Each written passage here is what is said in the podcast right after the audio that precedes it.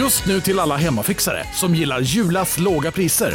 Ett borr och bitset i 70 delar för snurriga 249 kronor. Inget kan stoppa dig nu.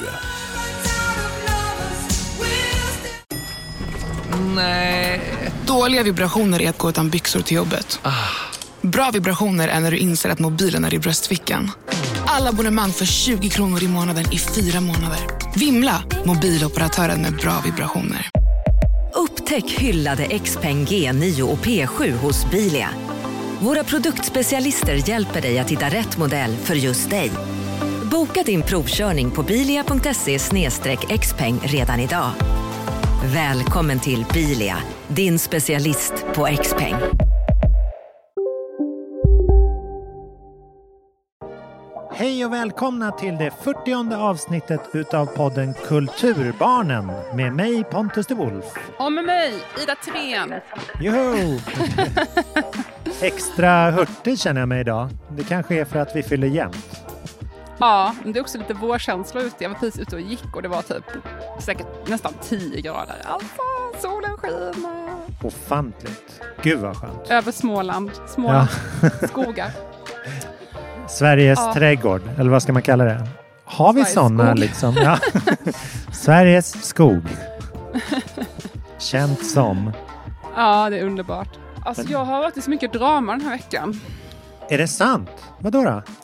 Ja, alltså idag, eller drama, idag spillde jag jättemycket hett te över mig själv på olika kroppsdelar. Vi behöver inte gå in på vilka, men det var Nej, ganska nej. dramatiskt. Men jag är, jag är okej tror jag. Ja. Lite, hydro, lite hydrokortison och jag good to go. Men jag gör lite ont fortfarande. Men, ja. Jaha. men Mm. jag är så klantig, du vet. Alltså, det är problemet. Jag har så himla ojämn begåvning. Alltså, jag har även kört nu i 20 år och jag kan fortfarande inte köra bil. Ehm, och recept och sånt, det är så här bara, gör det här, gör det här. Alltså, de, som ett exempel. Varför står det så här? Koka ris enligt förpackningen. Hacka löken och de morötterna. Alltså jag önskar det stod så här. Ta fram lådan med ris ur skåpet. Öppna lådan med ris. Titta på baksidan och se hur många minuter. Skölj av riset med ett durkslag. Alltså sådär. Häll i det i en gryta. Häll i så här mycket vatten. Sätt knappen på sju. Alltså det, det är ett recept som passar mig. Det här Ah. bara, "Hej, gör det här, gör det här. Jag bara, Okej, jag får typ stress varenda punkt. Så här, Hacka löken. Jag bara okej. Säg, säg som det är. Ta ut löken. Skala löken. Ta fram en kniv. Ta fram en skärbräda. Alltså, varför? Ah, ja, det var ett litet sidospår. Jag, jag, det är bara på min ojämna begåvning. Man borde l- liksom eh, lägga det i olika levels sådär att man, Ja! man fick ett betyg i förkunskap. Och efter Oh my God, det, det är jättebra idé. ja, så att om man ligger på så här totalt ohjälplig, då behöver man verkligen så här res på dig, gå ut i köket. Liksom. Klockan Alltså, det är tolv, ju- du är förmodligen hungrig på lunch. Alltså det är exakt. För jag kan skriva en artikel på en timme. Alltså jag skriver en artikel typ Svenska Dagbladet på Ja. en timme. Inga problem. Tjup, Ingen klart. behöver säga Skicka till iväg. Inget Ja. stavfel, inga, inga redaktörer behöver säga någonting. Men följa ett recept. Jag känner mig dum i huvudet. Alltså jag fattar inte. Så Mm. Nej. att det där är liksom min ojämna begåvning. Jag kan inte köra bil, men jag kan ju vad ska jag säga, göra yoga. Jag vet inte, Ja, cykla. Ojämn begåvning, det är ändå snäll, snäll term. Ja, jag har att lärt mig mot använda den. Istället för att tro att jag är lat och dum och sånt. förut. Nu har jag bara insett att det handlar om ojämn begåvning. Ja. Eh, men i alla fall. Eh, så angående mitt drama, jag måste berätta om mitt drama. Ja, jag har hamnat i internetbråk. Oj! Helt ofrivilligt och helt oplanerat och jag vill inte ens vara med i det här. Jag har inte ens en åsikt. Nej, Ehm, jag, jag börjar från början. jag lutar mig Alla tillbaka. älskar lite drama. Precis. Eh, det var ju Grammis nu nyligen. Eh, nej, men nomineringen är Nej, ute. det var det visst inte. Ah, det var nominering för Grammis. Om du pratar om den svenska Grammis. Ja, svenska Grammis. Ja. Eh, och då, som vissa av er kanske har sett, så rapparen Antoine, som är svensk rappare som jag pratat om tidigare i podden, som jag tycker är väldigt bra. Mm. Han la upp ett inlägg där han, det var faktiskt Kanye Wests bild som han använde, där han har slängt en Grammy i Mm. Oväntat förebild, men fortsätt. I alla fall så var det en bild Ja. på, precis, på att eh, en Grammis då i toalettstolen. Och texten var väldigt så i affekt kan man säga. Och nu refererar jag bara ur minnet, men i princip så sa han så att han hade blivit nominerad till årets hiphop, men tyckte att han blivit, borde blivit nominerad till alla kategorier i princip, Ja. Ja. i- inklusive årets kompositör. Eh, och jag tycker faktiskt Alltså jag säger bara, jag håller med. Alltså jag tycker att han är en av Sveriges absolut bästa artister. Hans, förra, hans skiva som kom förra året är liksom en av de bästa skivorna som har släppts på Mm. evigheter. Och liksom, den dominerade hela den världen som lyssnar på hip, svensk hiphop. Tyckte det här var typ Alltså en genial, genialisk skiva, alltså Mm. på alla sätt och vis. Musiken, texterna, alltså han är poet. Alltså jag tycker det Ja. är otroligt bra. Mm. Um, så gjorde han ju då misstaget, tycker jag, att han också nämnde namn. Att han gick in på så här... "Öh, det är mycket, jag, jag, jobbar mycket hårdare än Thomas Stenström. Alltså Just så att han det. liksom Ja. droppade ett namn. Det, det hade han ju inte behövt göra, alltså hans poäng hade ju gått fram ändå. För Mm. det han ville säga, som jag håller med, var ju att hade han hållit på med typ en mer alltså, accepterad av de som har makt i Sverige konstform, till exempel svensk pop, som är Mm. väldigt så alla gillar typ och alla kan förstå sig på. Mm. Då, som då till exempel Thomas Stenström gör. Så, alltså, det var ju det som han då menade antar jag. Ja. Ehm, då hade han haft en chans att bli nominerad till alla de här andra genrerna. Men för att han håller på med hiphop så hamnar han bara i hiphop-genren och kan inte nomineras som till exempel kompositör eller folk kan inte se liksom, honom som låtskrivare eller något Nej, större. intressant. Ja. Och det här, så tolkade jag texten. Och det här är också ett problem som har varit återkommande. Det har varit mycket kritik över det här i USA till exempel. Eh, av sven- amerikanska rap och R&B artister som så här, de hamnar i kategorin för rap eller hiphop eller för Ja, urban music.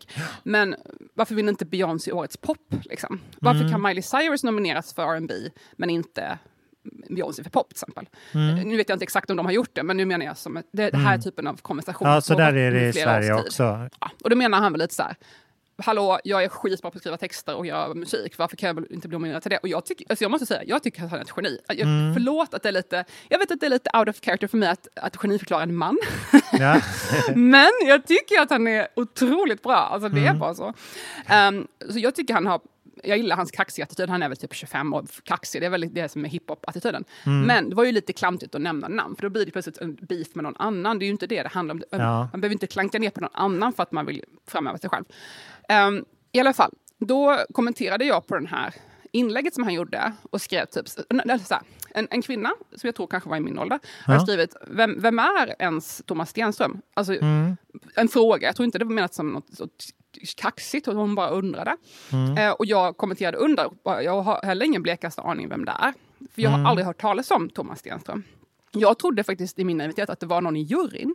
För det lät som att han bara, ja men Thomas Stenström jobbar inte så hårt. Så jag bara, aha, men det är väl någon i juryn. Typ. För det, det är ju inte så att ett rockstjärnenamn, alltså no offense, men det är ju inte så här liksom Dizzy Rascal eller typ Beyoncé. Alltså, så, Ja. det, det låter som en, en kille liksom. Ja. Ehm, och, så, ja, så jag bara, okej, det är väl någon typ.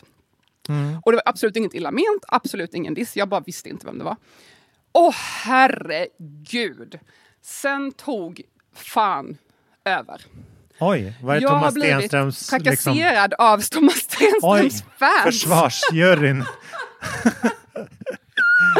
Herre Så det skulle inte lord. förvåna mig om vi nu har fått jättemycket dåliga recensioner typ i App Store för att så här, vad är det här för skitpodd? Och vet inte vem Thomas Stenström är. Det börjar med att en kille svarar så här. Du har en podd om musik och skrivande och du vet inte vem Sveriges bästa musiker och skrivare är. Ehm, det måste verkligen vara den sämsta podden, typ jag bara. Och så, så här, 100 likes eller någonting. Kanske, nu kanske det är ännu fler, men det var typ Shit. tresiffrigt med likes på hans Ja. kommentar. Eh, och jag bara, alltså, förlåt, jag, bara, jag vet inte vem det är, det var inget illa ment. Eh, och sen fortsätter med någon tjej som bara, alltså, ehm, det måste verkligen vara en bra podd. Eh, Jag bara, ja det är det. Så här. Hon bara, go, hon bara, go touch grass. Alltså så här typ. Alltså så jag bara, alltså Ja, ja, vad ja. menar du? För, för att vi Ja. har inte samma musiksmak. Så är det något, jag förstår verkligen inte. Jag bara, okej så vi har inte samma musiksmak så då ska, du, ska jag gå och Mm. alltså, ta, ta det lugnt. Och alltså folk fortsätter att gå loss på mig. Och det intressanta är att så här, jag förstår att folk är frustrerade och upprörda då för någon har dissat deras favoritartist och så vidare. Och så kommer jag in och liksom verkar helt ignorant. Mm. Det kanske låter som att jag försöker dissa dem. Jag bara faktiskt hade ingen aning. Ehm, och i alla fall då så, det här tyckte jag var så himla intressant exempel på dels att Tom, Thomas Stenström har helt, väldigt många otrevliga fans. Jag Ja. är ledsen, jag har jag, jag, kollat upp honom nu, han verkar helt okej, och en jättetrevlig kille och bra musik, jobbar hårt. Inget ont om honom, men hans fans, jag är ledsen att säga det, men inte så ofta. Ehm, och för det andra, eller det kom till slut en lite äldre man, eller typ min, i min ålder kanske, de andra var ju kids. Och som Mm. här, "Ja, du bör lyssna, lyssna på den här låten. Jag bara, ah, tack, jag ska kolla upp den. Alltså det, det Mm. är väl lite mer rimligt svar än att så här, Ja, dra ja. åt helvete för du inte har Men alltså, då tyckte jag det intressanta det här var, för det var också ganska många som kommenterade så här, vem är Antoine? Liksom. Ehm, och det är kanske många som lyssnar på podden som aldrig hört talas om Antoine. Och jag tycker det säger så otroligt mycket om vår samtid. För att vi lever ju i så här, filterbubblornas tid på ett så extremt sätt när det kommer till kultur. Alltså innan hade vi ju, förhöll man sig till så här, alla som på P3, alla läser Dagens Nyheter, alla läser L, alla läser Okej, alltså, det fa- alltså musiktidning för er som är yngre. Alltså det fanns alltid så här ett med, en media att förhålla sig till. Nu är det liksom, har du inte med Thomas Stenström på din Spotify Discover Weekly så kommer du aldrig höra honom. Och det har inte jag, för han dyker, jag lyssnar på amerikansk indie och svensk hiphop. That's Nej. it. Jag, Ja. jag, jag har aldrig fått upp honom någonstans. Jag har aldrig hört hans namn. Det är inget illa ment, jag har inget, inget emot honom eller hans musik. Ja. Men jag har bara aldrig hört honom. Och han är så en av Sveriges största artister uppenbarligen för att han är nominerad i flera kategorier. Och Mm. det, det säger så himla mycket om mig för att jag bor under en sten. Det visste jag redan. Men Mm. också om alltså, våran liksom eh, hur det ser ut i samhället. Alltså, om man inte, det finns liksom ingen gemensam kultur längre. Och det är väl därför folk är så tokiga med Melodifestivalen. För det är så enda sättet att klamra sig Ja. fast vid någon slags lugn. Och jag Allt är måste bara household med en gång. Ja, men precis, man kan inte relatera till, vi kan inte prata om det, så här, water, cooling, water cooler TV som man kallar det i USA. Alltså, så här, något att prata om vid vattenkranen liksom, på jobbet. Men också tycker jag, liten sidogrej, men fan vad smarta SVT är som lägger Melodifestivalen i februari. För alla vet att det här är årets sämsta månad. Alltså det är Ja. kallt, det är mörkt, halva befolkningen har D-vitaminbrist och depression. Och då lägger man in något lite mysigt, puttrigt, något att prata om, och skriva om i tidningen, distraktion från det sämsta vädret och mörkret. Och det är det här liksom, vi behöver de gemensamma grejerna, alltså sagt water cooler, cooler TV-event. Men det saknas ju verkligen det här sammanhållna kulturen i musiken och, och jag är medskyldig till det här. Alltså jag, jag, jag, musik som jag inte själv är nischad i har jag inget intresse för. Alltså jag, jag är väldigt okunnig om mycket. Det är ja, som sagt ojämn begåvning. Um, Men, så det är inget nytt så. Men det är intressant den här attityden, att det blir som så här krig mot varandra. Alltså, den ena Ja. gruppens fans mot den andra gruppens fans. Och den ena vet inte vem den andra är. Och, ja, så det här har, har jag funderat väldigt mycket på den här veckan. Och, eh, jag har inte kommit till någon slutsats ännu, men jag tror att det är något vi behöver prata mer om. Hur påverkar det oss att vara så långt ifrån varandra och inte förstå oss på varandras egna kulturuttryck på det sättet? Ja, men vi... Stor applåd. Nej, men vi blir ju liksom... Vi blir ju inte så slipade när man bara får levererat det man kommer tycka om. Alltså sådana här algoritmer och sånt gör ju att man blir väldigt så här, strykt medhårs. Eh, och när det då kommer någon som liksom säger emot det eller ifrågasätter det eller har en annan uppfattning, då blir man ju helt bränd i skallen. Som så här, Hur kan du inte veta vem han är? du står på den onda sidan. och det, det kan ju vara liksom, det känns ju så himla mycket som är sådana tendenser nu med så här pandemin när alla stannade i sin bubbla och bara läste sin egen Facebook-feed. Och för att inte tala om den här eh, ryska Ja. diktatorn i öst och Ja. vad, vad han håller på med. Men, men just det här att liksom inte kunna ta in kritik och bara prata för de egna leden, det är ju någonting skitfarligt. Och väldigt så här, man blir ju inte utmanad i någonting. Och då blir man ju inte liksom bättre på att tänka. Nej, alltså det är lite chockerande tycker jag, att man liksom reagerar så. Alltså hade någon sagt till mig bara, Ja. jag har aldrig hört talas om något så här band jag gillar. Jag skulle bara, ah, okej, du borde höra den här låten. Inte liksom, du är den sjukaste människan! Mm. Ja, alltså just ner till de så här, den snällaste artist, mest liksom. Han verkar Eh, jättegullig, ja. stackars Ja. Thomas. Förlåt att jag rinner i det här. Alltså det var verkligen inget illa ment. Ja. men eh, ja, nej, men jag läste också det där Antoine. Det var ju intressant. Lite ett, ett tal till de egna fansen kände jag att det var. För att om man tycker att det är en om man tycker att det är en skittävling så behöver man ju inte nominera sig själv. Man skickar ändå in sitt bidrag liksom. Ja, det är så, man Själv. själv nominerar Ja. sig. Mm, Exakt, men okej. sen så är det en urvalsgrupp eh, som juryn liksom. Många fastnar i att nominera sig till för mycket. Att man ska liksom riva ner någon sån här, och då kan man ju bli besviken om man blev liksom Men men, det, jag, jag tycker det sitter i att, att är man starkt språkligt så ska man vara stark emotionell också och det är ju Antoine. Så att det... Jag, jag måste säga en sak till om det här bara. Mm. Um, apropå det här med uh, nomineringen där. Alltså, en grej jag tänkt mycket på också som är intressant, det är ju, man undrar lite vilka som sitter i juryn, det kanske du har bättre insyn. Ja. Uh, det har inte menat som någon kritik så, men jag är bara väldigt nyfiken för att när man lyssnar på svensk hiphop idag, alltså mm. varann, okay, kanske inte varann, var tredje ord Mm. kan vara svårt att förstå om man inte pratar arabiska mm. eller liksom ortensvenska um, från idag. Alltså det är också mm. så slang som är ny också. Alltså, liksom, om man inte är ung själv och har insyn i dagens slang, så, alltså, det hjälper liksom inte om man kunde ortens slang för 20 år sedan, utan det, det är liksom så ord som händer nu. Mm. Och jag fattar liksom inte hälften av vad som sägs. Jag får använda min kille som en ordbok, han får förklara för mig vad, vad säger. Även mm. när man har så Spotify text live, man kan följa texten. Jag fattar ändå inte hälften. Mm. Och det är också intressant då i relation till um, årets text, till exempel, alltså textlåtskrivare mm. um, i nomineringsprocesser och så. Om man inte ens fattar vad de här rapparna sjunger, hur ska man då kunna bedöma om det här är stor konst och poesi eller inte? Ja, just det. så det är en liten uh, en tanke jag hade där också. Det där väger jättemycket. Det är intressant att du säger det. För 2018, jag, jag ingår nämligen i Grammisjuryn, om jag inte har sagt det förut. um, men jag... vilken, vilken skräll! Jag hade ingen jag, aning om det. Uh, men jag sitter i en så kallad liksom, utökad grupp som är på kanske 40-50 pers eller något sånt där. Som liksom, um, vi lyssnar igenom allting i olika uh, nivåer uh, och, så, och så ger vi liksom betyg och sen så är det en, en liten jurygrupp som är på 10-15 kanske som liksom sitter och överlägger vid ett bord mer. Och jag, tror, jag, kan inte förklara exakt hur det funkar. Så folk, folk skickar in nomineringar så lyssnar du och 40 andra. Eller ja, andra. precis. Och, sen, och då, då, okay. väljer jag, då väljer jag de, de eh, kategorier som jag känner att jag har någonting att tillföra. Mm. Och jag, jag, får inte ingå i de kategorier där jag själv har med musik, liksom, eller där jag kan vara jävig. Aha, så som okay. jazz eh, röstar jag inte i, för att där är jag liksom för mycket eh, aktör Insultad. själv. Mm. Ja. Mm. Um, och, sen, och, och då får jag liksom tillgång till alla, alla som har skickat in sina okay. bidrag. Och så lyssnar jag och sen så betygsätter man. Liksom. Eh, och, sen, och då blir det eh, ett urval ifrån det och då får man tillbaka typ 10 per kategori. Och så röstar man igen och sen är det fyra kvar och de röstar den här mindre jurygruppen på. Eh, och det är ju mm. den som det är den som har det svårast då att till exempel vara bra på eh, låneord eller utländska ord inom, i svensk hiphopmusik. Liksom. Mm. Eh, och det här var ju något som eh, Ametist, alltså Degan, uppmärksammade när hon, hon hoppade av den juryn 2018.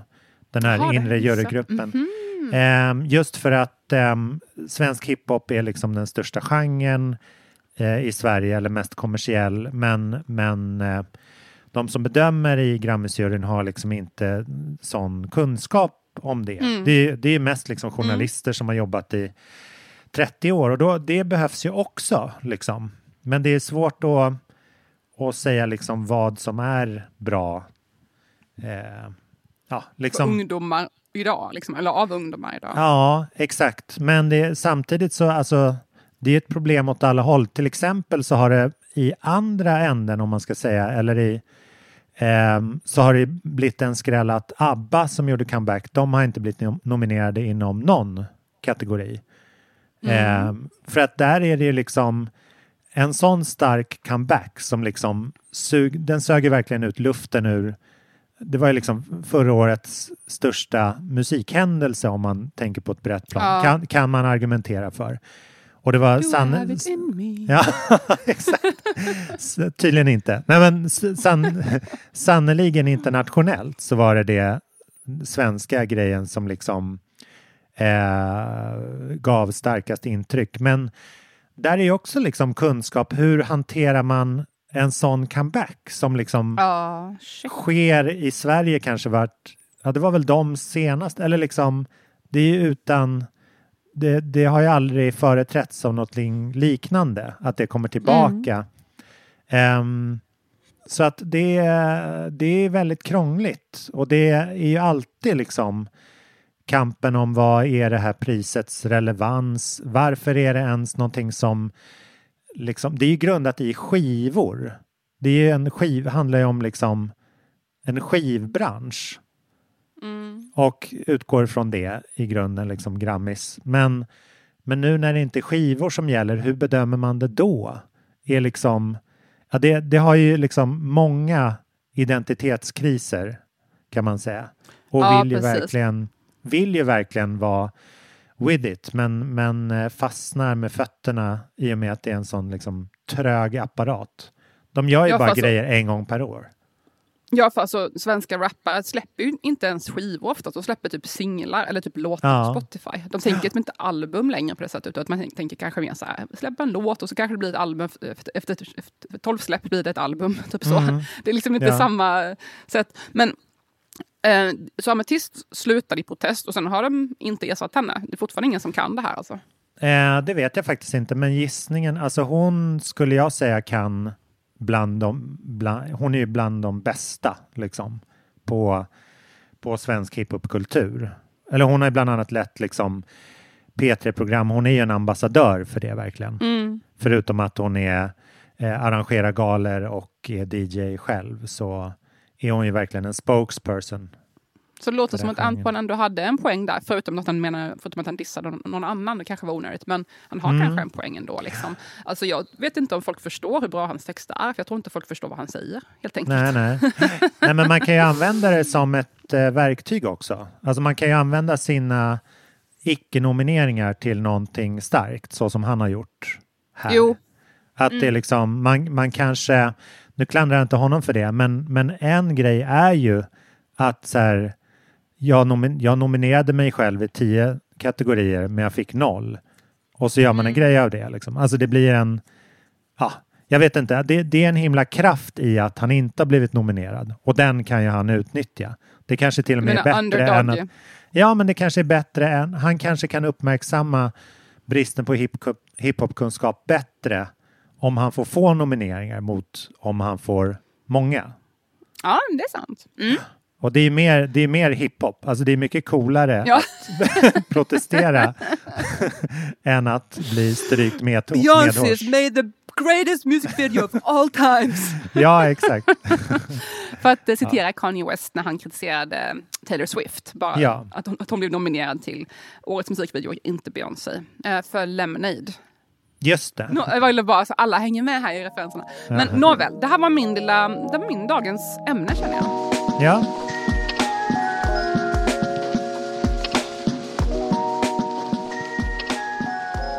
Har du haft på hjärtat eller tänkt på? Jo tack, jag har haft det bra på sistone. Jag har gjort eh, klart den här musiken som jag eh, pratade om sist. En låt som heter Ke- Keep It Together som jag slängde ut. Jag kommer inte ihåg när den kommer släppas men det var en, eh, en låt som reflekterade Ukraina-krig.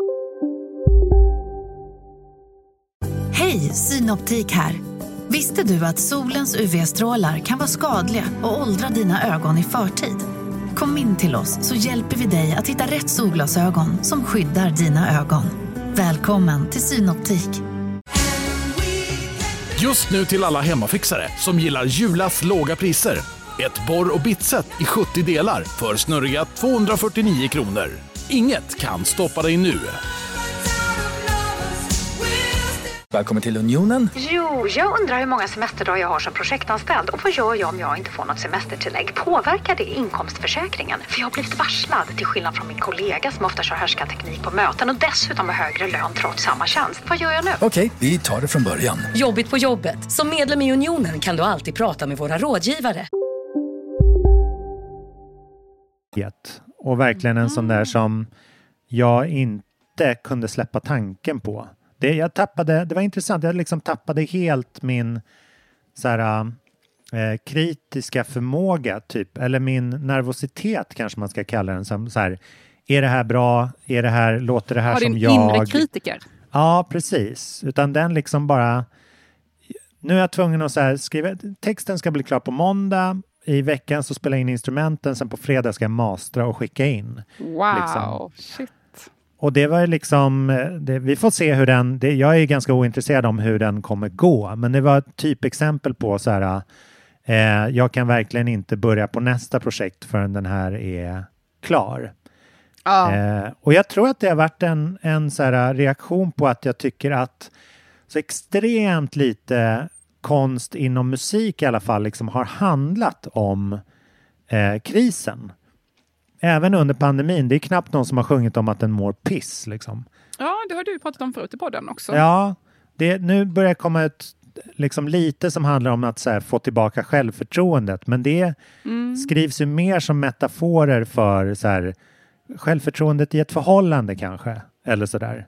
Mm. Ehm, men det är också, det, jag tror det finns en, en nervositet i så här, kommer folk vilja lyssna på någon som klagar? Typ? Eller är bitter eller svag? Är folk trötta på det här liksom? Ja, exakt. Det är väldigt sällan som musik nu görs så här från ax till limpa på en vecka, typ. Som är liksom reaktion mot någonting. Ehm, det, är, det är en mycket längre process med många låtskrivare. Man liksom susar runt och är ganska nervös och lyssnar på trender och sådär.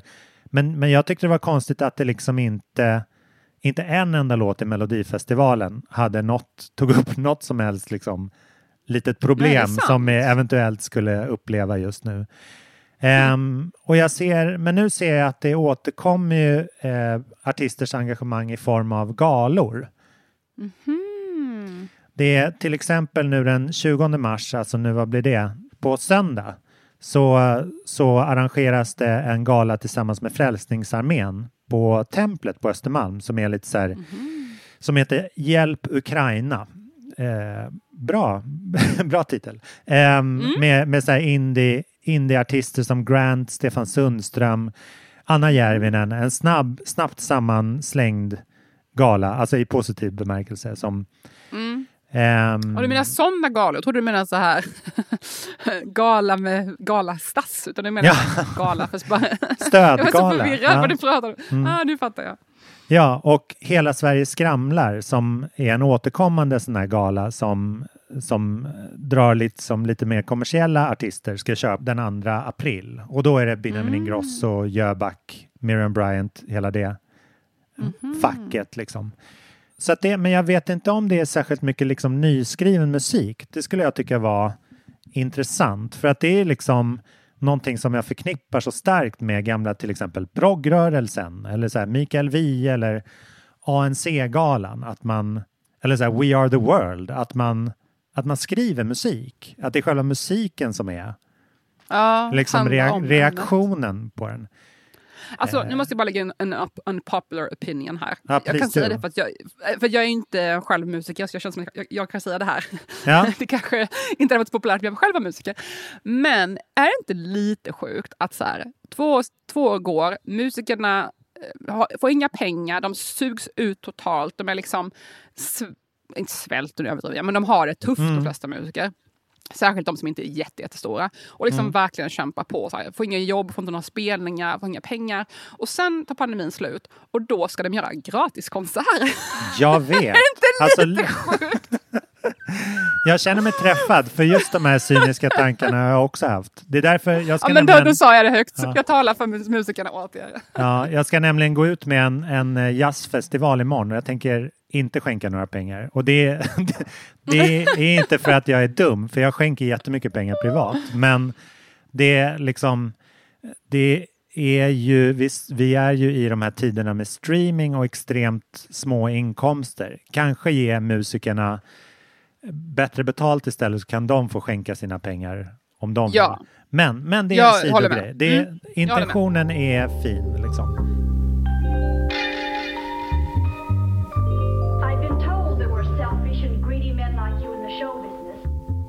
Jag har haft en så här familjedag. Min mamma fyller jämt, apropå fylla jämt. Så Mm. jag var inne i stan och firade henne. Hon kom in till stan och vi firade här. Det var väldigt härligt. Eh, Trevligt. Ja, jag tog en, en bild av henne. Hon får ställa upp eh, sådana här dagar så att man har minnen. eller, Äh, Lite content eller? ja, precis.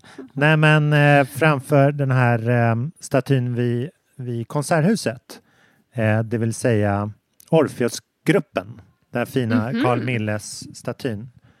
Eh, den är rolig för den ser ut nästan exakt som Poseidon i Göteborg. Men Poseidon är det ju... bytte namn? Ja, exakt. Men det är, det är också Carl Milles. Men jag menar, Poseidon har ju fått sån himla... Eh, det är sån stolthet i Göteborg. Mm.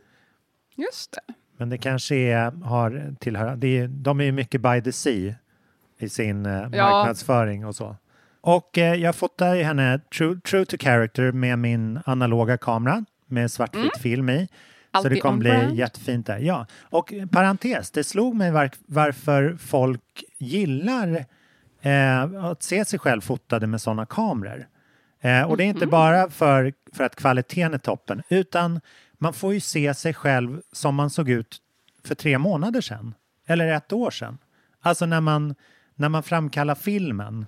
Ah, Och få det se sig på fotona. tid. Ja, så får man se en yngre version av sig själv. Ah, på vad bilden. fin jag var då för ett halvår Ja, det, ja men det är liksom så jag, jag ser riktigt ärtig ut. Eller så här, Kan inte njuta av stunden men ja. nej. och, precis, och, så, här- och så har precis. man blivit nostalg, man har hunnit bli nostalgisk för, åh det var så Ah. trevlig lunch med min son. Så här, vad Just fint det. minne. Solen sken och, mm. Ja. och nu kommer Parentes. hösten. Och, Ja. Mm. Ehm, men, men jag hade en, en present till henne som var, som var en konsert på Konserthuset nämligen. Och Ja, eh, jag har alltid lärt mig att man, så här, man ska poppa champagnen vid bordet är ett uttryck som, som jag har myntat, fast som kanske finns. För Ingen att, aning. ehm, nej men det, det är så här att jag var på ett, eh, ett event som, som Moët höll i. Ehm, och då var det så här, skulle det vara sittande middag, men så var det två Som vem höll i? Moët, alltså champagne. Champagnemärket. Jaha, ja, ja. Mm. Ja. Ganska bra artistnamn annars. Jag undrade, Moët. Ja. Jag bara, okej, vad är det här? Thomas Stenström. Du går ut och twittrar här på 100 000. Jag kommer aldrig, Nej. jag kommer aldrig mer våga säga det. Jag kommer bara säga, ah, skitbra band. Alltså Mm. Ja. verkligen ha deras vinyl. Men, eh, och då, då så drack man det i foajén och sen så berättade de på middagen så här. Vet ni vad ni precis drack? Ni drack den här årsgångschampagnen från 1962 som aldrig har öppnats tidigare och så här. Och man bara satt där på så här. Okej, eh, ja, jag, för, jag blundar och försöker tänka mig tillbaks hur det var. För att så här, vad, nu kunde ni inte ha berättat det för mig liksom. När vi drack jag kunde det. njuta lite. Ja. ja, det var helt sjukt. Men så därför fick hon sin present eh, till Konserthuset utanför Konserthuset. För det var väl, det var väl fyndigt.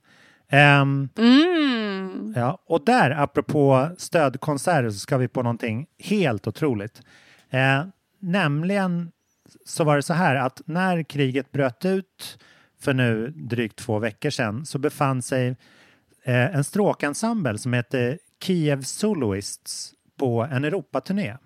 Det är alltså liksom eh, en stråkorkester med eh, Kievs finest i liksom konsertstråk. Ehm, och sen Shit. kriget bröt ut så sket de i att åka hem förstås och befinner sig på en så konstant turné runt om i Oj. Europa för att samla ihop pengar till eh, offren i Ukraina. Eh, så den konserten eh, var liksom det jag gav bort i present. Så den ska jag gå och se den 27 mars redan. Wow, Så det, coolt. det tror jag kommer vara väldigt, väldigt känslodrabbande. Och apropå Ah, vad, vi, vad vi diskuterade om att hjälpa till att sprida den ukrainska kulturen eftersom den är under Mm. attack nu. Så den här temat för konserten är just ukrainsk klassisk musik och folkmusik och liksom Mm. specialarrangemang och sånt där. Och verkligen en, en brygga, en ambassadör till Stockholm och Sverige. Jag tror de spelar i Uppsala också och kanske någon stad till. S- som liksom, Wow. ja, och det kommer även filmas av SVT. Så det är, Mhm. men det, jag, jag ser väldigt mycket fram emot att se det. Hoppas jag att Wow. kriget är slut redan då, men det kan man ju inte det är att hoppas för lite för mycket, Alltså- på lite för mycket. Apropå eh, ukrainsk kultur, jag hänger väldigt mycket på chess.com, alltså min schackapp. Ah. Eh, det lät som stjärtlapp. Schackapp. Eh, det är mitt sätt att hantera ångesten just nu, som jag känner och lider av mycket oro och ångest. Och då Mm. loggar jag in på, sätter på antingen ingen musik eller så slår jag på lite musik i mina noise cancelling headphones och spelar schack. Eh, det finns också man kan spela så här, lösa problem bara, alltså bara så här, Mm. olika problem. Och, men man kan också titta på schackmatcher som pågår av de bästa schackspelarna på appen. Och Oh, då är det shit. väldigt mycket från, från Ryssland och Ukraina. Och uh, usch, det är liksom lite, det är jättekonstigt. jag vet inte hur jag ska förklara men Mm. det var så konstigt att se så här, Ukraina spela mot Ryssland när man vet att det pågår ett sånt brutalt Jaha. invasionskrig. Ja, jag vet inte, jag har bara tänkt på det. Apropå, för att schack är ju väldigt stort i Ukraina. Alltså några av de bästa schackspelarna, Mm. i alla fall på appen, är från Ukraina. Eh, och Ryssland är ju också extremt stora i schack, det har de alltid varit. Så Ja. det är lite... um, ah, jag vet inte. Nej, men det, det är väldigt drabbande såklart. När det liksom och tänka att så här sitter en människa liksom och lider på det här, mår så himla dåligt liksom, och ska koncentrera sig och spela det här för att sluta tänka på att ens land är under attack. Det är liksom... Ja. ja. Och den på andra sidan sen då? Ja, vilken, vilket möte.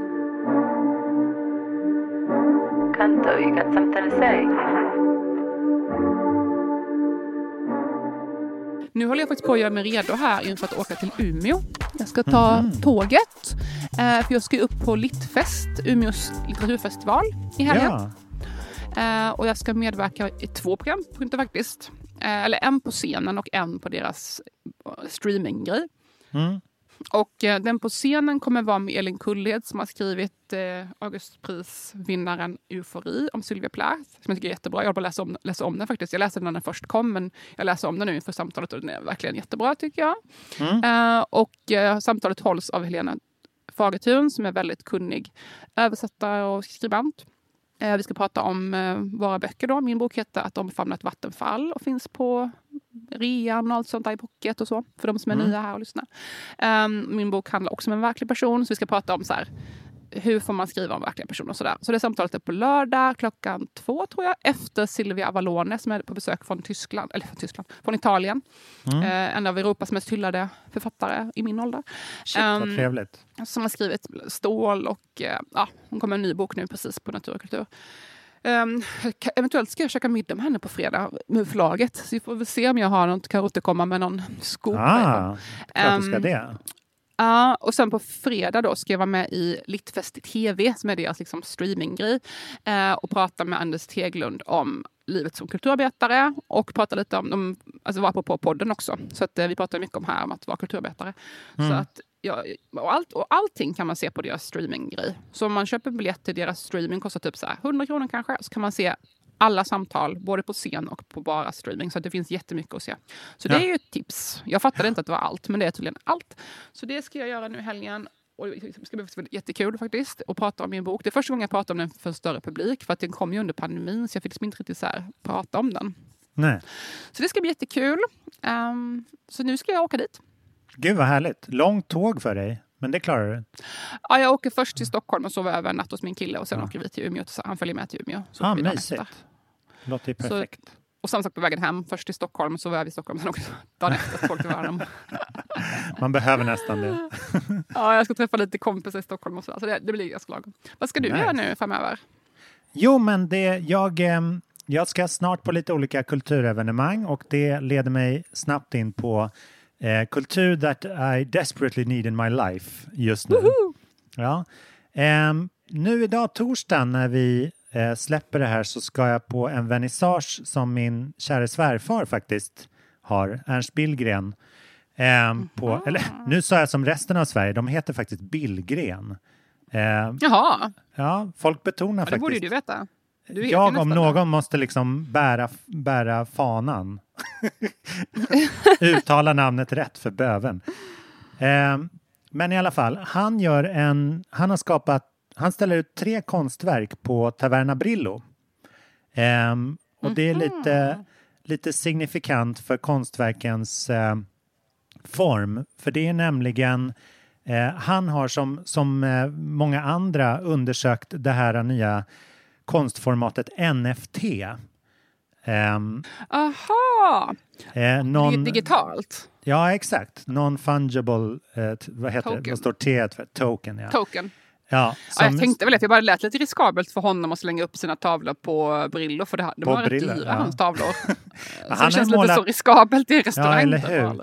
Men han har ju målat fiskarna på Sturehof. Ja, det kan vi komma tillbaka till. Men, eh, men i alla fall så eh, han har ju skapat tre NFT i trä, som det kallas. Alltså han har gjort tre, tre eh, NFT-skulpturer som även har liksom kanske en, en digital parallell. Liksom. Men det verkar Alltså väldigt... det är fysiska objekt som ställs ut. Ja, fast det är liksom en, NFT i trä. Men de kommer även finnas som NFT digitalt då. Mhm. Ehm, så det, han, han undersöker gränslandet där med vad, vad kan konstnärens roll vara i det här digitala spacet. Och Mhm. ehm, det, det ska bli jätteintressant tycker jag. För att det, han, han tar mycket upp eh, parallellerna med till exempel Duchamp i början på eh, 1900-talet. Som liksom ställde ut det här cykelhjulet. Så här, är det här konst? Och den här Mhm. urinoaren och sånt där. Att det liksom fram till dess var konstnärens roll eh, liksom satt i sten. Att det är så här, konstnären är någon som ska måla tavlor och det ska se likt ut som i verkligheten. Liksom. Men konstnären som aktör kan ju liksom förvränga vår verklighetsuppfattning genom att till exempel ställa ut ett hjul och kalla det för konst. Och, eller en NFT i trä. Eller bara liksom ja, frångå det här att liksom den här eviga tavlan som ska målas i en fyrkant i bestämda... Alltså jag, läste, liksom. jag läste precis en artikel i Svensk eh, Schacktidning. Ja. Apropå detta. Back to the board. Ehm, ja, precis. Min pappa prenumererar för han är medlem. Så. Mm. Eh, men det handlar om Duchamp. Att han, var, han var ju extremt stor schackspelare. Och att det, Ah. var nästan som, att det var en, de argumenterade då i, boken, i artikeln, eller eh, det var en bok som om det här också, att han, hans schackspelande var en del av hans konstnärskap kan man säga. Ja, fan Apropå trevligt. det här med lite abstrakta idén om vad konst är. Ett schackspel, när man intresserar sig för hur schack fungerar så kan man verkligen se, alltså det är musikaliskt och det är vackert. Alltså vissa drag kan verkligen vara så vackra. Typ. Så Mm. För mig är schack verkligen en konstform. För det är så komplext och ändå Mm. liksom spe- specifikt. Eller precis. Det är både komplext Mm. och precis. Eh, och det är väldigt tekniskt och väldigt fyrkantigt men också väldigt eh, mjukt och konstnärligt. det var Ja, min recension av schackspel. Ja. Den får en femma på INDB. eh, BM. Eh, ni vet vad jag menar. Ja. Nej, men, eh, så den, eh, och så där är ju den mest avancerade musiken också. Den är ju väldigt stolpig att ta fram. Mm. Vilket är skitintressant. Jag kollade på så här, nej men hur man skriver filmmusik till exempel. är ju väldigt så här, Ja. Och här kommer den bilden och nu ska vi ha någonting som svallar upp. Och någon, nu ska vi göra någonting som gör det intressant eller nervöst eller så här. Eh, och Gud, så är även klassisk musik. Gud, så där känner jag verkligen med min bok ibland. Ja. jag bara, nu måste jag lite mer drama här. Ja. eh, nej men spännande. Och, eh, nej men, och det går även in på såna här grejer som att så här, det finns ju en makt som vill hålla kvar konstnärer i gallerierna. För där till exempel så när ett konstverk säljs så, säljs, så får ju konstnären eh, på en bra dag 50 procent av värdet och galleristen 50 procent. Men för Mm. en NFT får ju konstnären kanske 98 procent. Ja. Ehm, och eh, så där finns det ju liksom, ehm, vår, vår, våra begrepp kommer ju liksom inte vara forever så att säga. Eh, Men det är väldigt spännande tycker jag det här eh, att man kanske har någonting i verkligheten och så finns det inne i sin datavärld också. Det tycker jag liksom räddar det lite grann.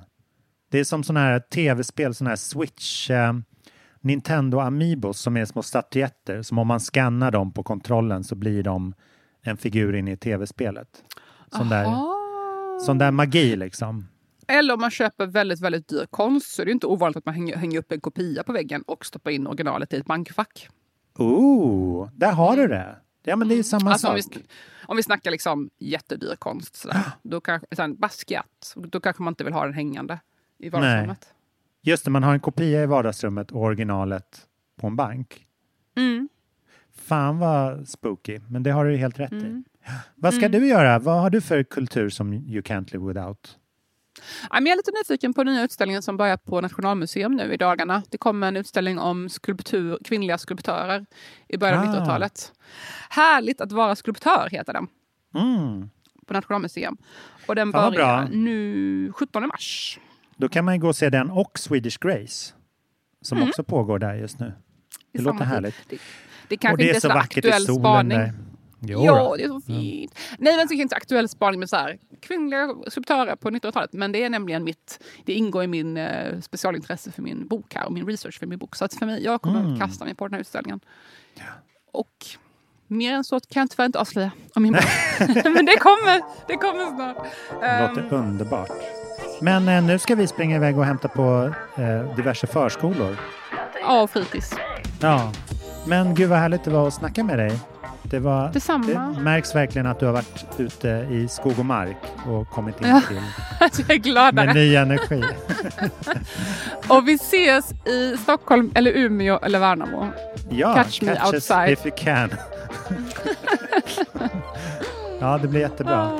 Ta hand om dig och ta hand om er. Tack att ni lyssnar. Och tack för att ni lyssnar, tack för att ni tipsar om oss och ger betyg och allt sånt där man kan göra för att hjälpa oss att spridas. Tack så mycket. Underbart. Puss och kram. Hej då!